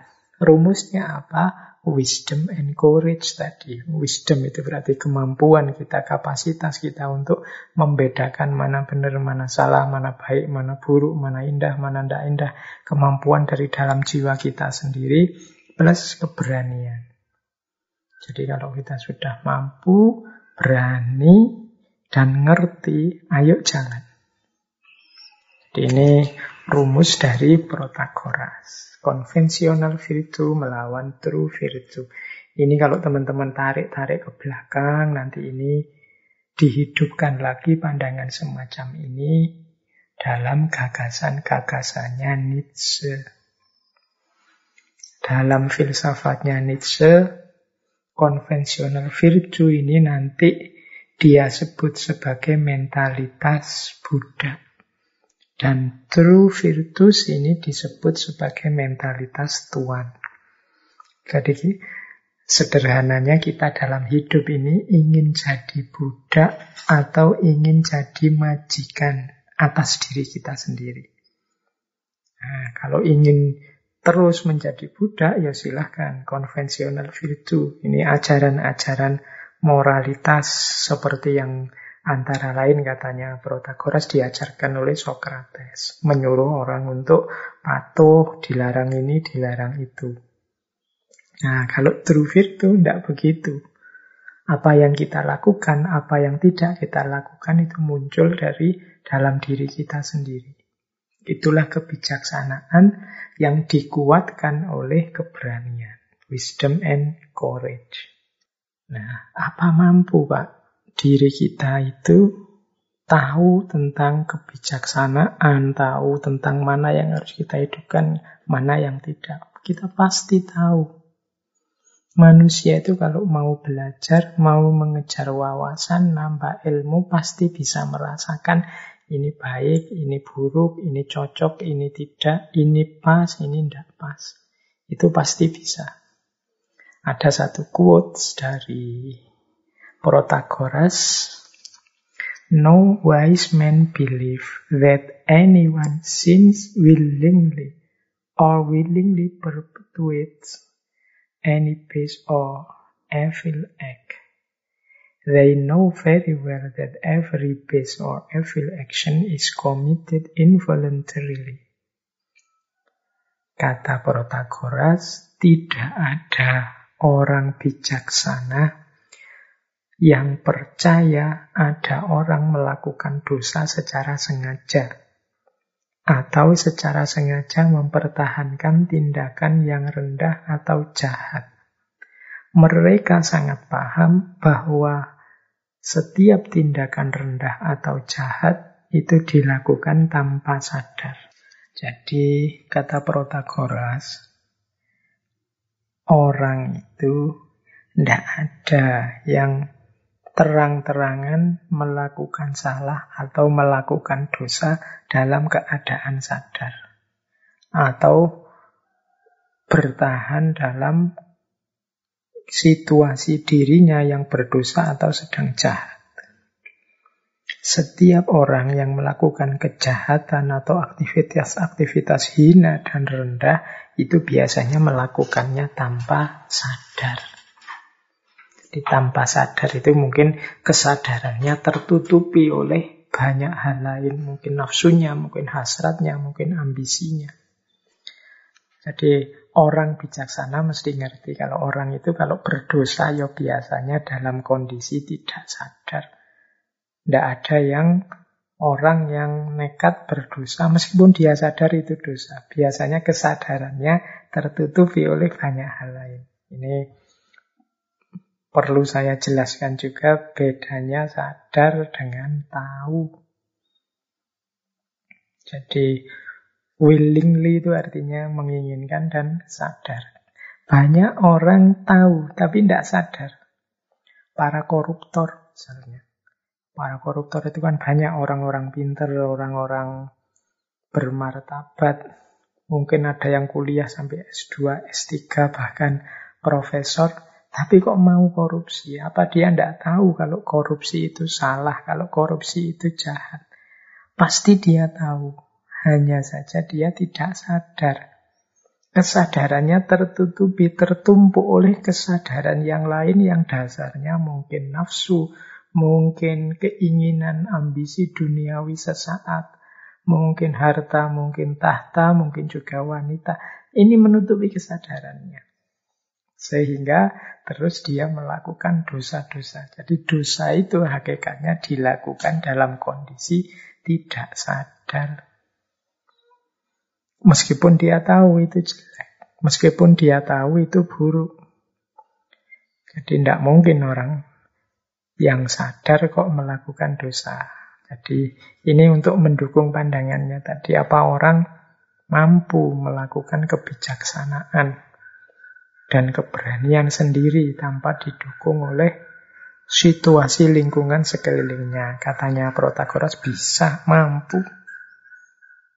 Asal orang mau sadar, mau menghidupkan kebaikan-kebaikan, kebenaran-kebenaran yang hakikatnya sudah dia miliki. Jadi ini pandangannya tentang moral. Jadi dia mengkritik kebajikan konvensional, dia menginginkan kebajikan yang lebih sejati, yang keluar dari karakter diri manusia sendiri, bukan hanya disetir, direm dari luar. Baik, jadi ini mungkin bisa kita ingat-ingat terus kita sambungkan dengan kajiannya nanti Nietzsche yang beberapa kali juga sudah kita angkat dalam ngaji filsafat. Oke, teman-teman kita lanjutkan. Nah, kali ini ini yang paling kontroversial yaitu pandangannya tentang Tuhan atau tentang dewa-dewa. Ini nanti dikenal dengan pandangan agnostik. Agnostisisme ini atau agnostik tadi dari kata-kata bahasa Yunani gnostein dan a. A itu artinya tidak. Kalau gnostein artinya tahu. Jadi agnostik makna harafiahnya orang yang tidak tahu. Kalau dihubungkan dengan Tuhan atau dewa-dewa atau agama, biasanya agnostisisme ini kemudian didefinisikan pandangan bahwa manusia tidak memiliki pengetahuan atau dasar yang cukup secara rasional untuk membuktikan atau membenarkan bahwa Tuhan itu ada atau tidak ada.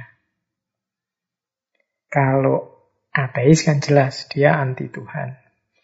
Tidak percaya kepada Tuhan. Kalau agnostik ini nanti jatuhnya bisa ateis, bisa tidak. Tapi pandangannya secara umum adalah manusia itu tidak punya kapasitas, tidak punya kemampuan untuk mencari bukti atau mencari argumen apakah Tuhan itu ada atau tidak. Ini namanya agnostisisme. Teman-teman, ya tidak mungkin saya jelaskan panjang lebar, silahkan nanti digali antara lain ngaji filsafat yang saya lupa era-era awal itu ada tema agnostisisme. Nah, ada kalimat populer sekali yang konotasinya agnostik ini dari Protagoras. Yaitu kata Protagoras begini. Kalau tentang dewa-dewa, saya tidak tahu apakah mereka ada atau tidak. Atau bagaimana tampilan mereka. Karena ada banyak hal yang menghalangi kita untuk mengetahui yaitu antara lain ketidakjelasan subjek dan singkatnya kehidupan manusia. Jadi ini kesimpulan dari pandangannya Protagoras inilah nanti yang melahirkan gagasan namanya agnostisisme. Ketidakmampuan manusia untuk tahu apa dan bagaimana Tuhan itu ada atau tidakkah Tuhan itu. Ini dikenal dengan gagasan agnostisisme. Kalau di quotes ini, alasannya apa manusia itu tidak mungkin tahu tentang Tuhan, Kata Protagoras, alasan pertama adalah ketidakjelasan subjeknya. Konsep tentang Tuhan itu kan sangat abstrak, tidak jelas. Jadi, tidak mungkin akal kita nyampe. Kita mungkin bisa bersusah payah menggali, tapi tidak mungkin bisa ketemu. Apalagi alasan kedua, singkatnya kehidupan manusia. Kehidupan kita itu sangat singkat. Jadi kalau dipakai untuk membuktikan dewa atau Tuhan yang diasumsikan tidak terbatas, baik dari aspek ruang dan waktu, betapa kecilnya kita, kita tidak akan nyampe. Jadi alasannya subjeknya tidak jelas dan hidup kita ini singkat. Ini kalau dilanjutkan mungkin pikiran kita juga terbatas. Pandangan Protagoras ini jadi yang konteksnya agnostik ini, kalau kita baca dari alur apa dialog-dialog yang ditulis oleh Plato itu berawal dari kegelisahannya Protagoras tentang masyarakat zaman itu yang sering kali mengklaim tahu tentang hal-hal apa pun ihwal dunia dengan mengklaim ini sumbernya dari Tuhan. Jadi karena memang debat itu sering terjadi kan kita mungkin ada beda pendapat, perdebatan. Kalau sudah buntu, kalau sudah macet, ya jalan paling gampang itu memang dilarikan ke Tuhan. Kalau sudah disandarkan pada dengan argumen ini sesuai kehendaknya Tuhan loh, ini sesuai keinginannya Tuhan loh. Yang dimaksud oleh Tuhan ini loh, kita kan sudah tidak berani lagi bantah. Jadi penyandaran-penyandaran yang tidak bertanggung jawab kepada Tuhan ini menggelisahkan Protagoras. Yo kalau langsung ujuk-ujuk dilarikan ke Tuhan, yo kita tidak jadi diskusi, tidak jadi mencari kebenaran. Jadi klaim-klaim yang disandarkan pada keinginan Tuhan atau ajaran Tuhan atau tuntunan Tuhan ini membuat diskusi biasanya terus macet. Dari situlah nanti keluar pernyataannya Protagoras. Oh, kalau dibawa ke Tuhan, ya saya tidak tahu. Tuhan itu benar ada apa enggak. Kemudian seperti apa dia. Wong Tuhan itu konsepnya sangat abstrak. Dan usia kita sangat pendek. Siapa kita yang mengklaim tahu tentang Tuhan? Nah, ini kalimat ini yang jadi akarnya agnostisisme. Jadi kalau tentang Tuhan, tentang dewa-dewa, saya tidak tahu apakah mereka ada atau tidak. Atau bagaimana tampilan mereka. Karena ada banyak hal yang menghalangi kita untuk tahu, yaitu paling tidak objeknya tidak jelas dan hidup kita yang singkat. Nah, ya meskipun begitu, pernyataan yang mungkin bisa kita pahami sampai dia punya pendapat seperti itu pada zamannya melahirkan kontroversi besar. Dia dihujat, dianggap kafir, kafir versi Yunani ya. Jadi yang yang menghujat dewa-dewanya Yunani. Buku-bukunya dibakar. Kemudian dia melarikan diri tapi kapalnya tenggelam. Ada yang bilang ditenggelamkan sehingga dia tewas di laut. Nah, berawal dari pernyataannya Protagoras inilah nanti muncul satu faham namanya agnostisisme. Mungkin kalau teman-teman kembali ke kajian kita beberapa tahun yang lalu. Di situ saya kutipkan gagasan dari Richard Dawkins. Dari bukunya yang terkenal sekali The God Delusion. Delusi tentang Tuhan. Kata Dawkins di situ, agnostik itu tidak pasti orangnya kemudian tidak percaya Tuhan. Dia ini hanya tidak percaya manusia bisa memahami Tuhan. Bisa membuktikan dengan argumen-argumen manusia tentang ada atau tidaknya Tuhan. Dia tidak percaya yang itu saja. Kesimpulannya bisa sangat religius meskipun bisa juga sangat ateis. Jadi nanti dalam catatannya Richard Dawkins itu, ini saya sampaikan ya karena saya lihat ada beberapa perdebatan diskusi tentang agnostisisme. Baik yang pro maupun yang kontra. Jadi orang agnostik itu bisa dia sangat teistik, sangat percaya Tuhan. Bisa sangat tidak percaya Tuhan. Jadi ya Berarti kasuistik. Kalau ada orang bilang saya agnostik saja, itu jangan kesusu dihakimi. Dia agnostik versi yang mana? Ada agnostik itu yang model teistik, percaya Tuhan. Jadi cara berpikirnya begini. Manusia tidak mungkin tahu tentang apa itu Tuhan. Kalau dalam bahasa Islam, Tuhan itu laisa kamislihi syai'un. Nah, tapi aku percaya Tuhan itu ada. Jadi ini banyak dilakukan oleh mungkin teolog, mungkin sufi juga. Pembuktian-pembuktian rasional, pemahaman akalnya manusia tidak akan bisa menangkap adanya Tuhan. Yang bisa kita lakukan hanya beriman dan berislam. Percaya dan pasrah. Saya yakin Tuhan itu ada, meskipun aku tidak bisa menjangkaunya. Siapalah aku yang terbatas di hadapan yang tidak terbatas. Nah, di sini agnostik melahirkan pandangan yang sangat teistik. Ada pula agnostik yang kemudian membawa orang pada ateistik. Ada pula yang hanya di level keraguan saja. Level keraguan itu nanti ada pembagian imparsial agnostik dan strong agnostik. Orang yang imparsial agnostik itu punya pandangan bahwa Tuhan itu ada atau tidak ada itu sama-sama mungkinnya. Yang jelas kita tidak bisa membuktikan. Nah, kalau strong agnostik itu kemungkinan Tuhan memang tidak ada.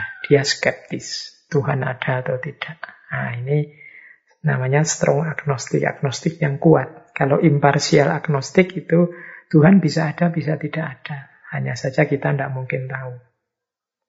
Nah, nanti bisa juga jadi ateistik. Tidak mungkin ada Tuhan itu. Tidak masuk akal ada Tuhan itu. Jadi ini beda-bedanya dari satu faham yang katanya diinisiasi oleh Protagoras. Meskipun Protagoras punya dasar dari pernyataannya tentang Tuhan tadi. Baik teman-teman, ini waktunya semakin mepet. Saya masih ada satu dua quotes lagi Nah, ini ada quotes menarik untuk menutup sesi kita malam hari ini. Protagoras punya pernyataan begini. There is no art without practice and no practice without art. Tidak ada seni keahlian tanpa latihan dan tidak ada latihan tanpa seni. Ini mungkin kalau pakai ranahnya Protagoras tadi ya berhubungan dengan isu-isu yang diangkat oleh Protagoras. Seni menata diri, seni menata masyarakat tadi politik, seni berdebat, seni berfilsafat, seni berargumentasi. Nah, itu semuanya kan seni semuanya. Tidak ada seni tanpa praktis, tanpa latihan. Jadi ya kalau ingin menguasai ya harus latihan. And no practice without art. Dan tidak ada latihan tanpa art. Ya latihan juga jangan asal latihan. Kita juga harus ngerti caranya, ngerti tekniknya. Jadi teman-teman yang misalnya ingin bisa apa pun, ingin pinter apa pun, mungkin ingin pinter nulis kah, ingin pinter bicara kah, ingin pinter apa pun, ya harus latihan. Tapi latihan juga harus pinter. Harus punya strategi, punya teknik, punya cara-cara biar tidak sembarangan. Jadi ini di antara quotes-nya Protagoras yang menurut saya penting.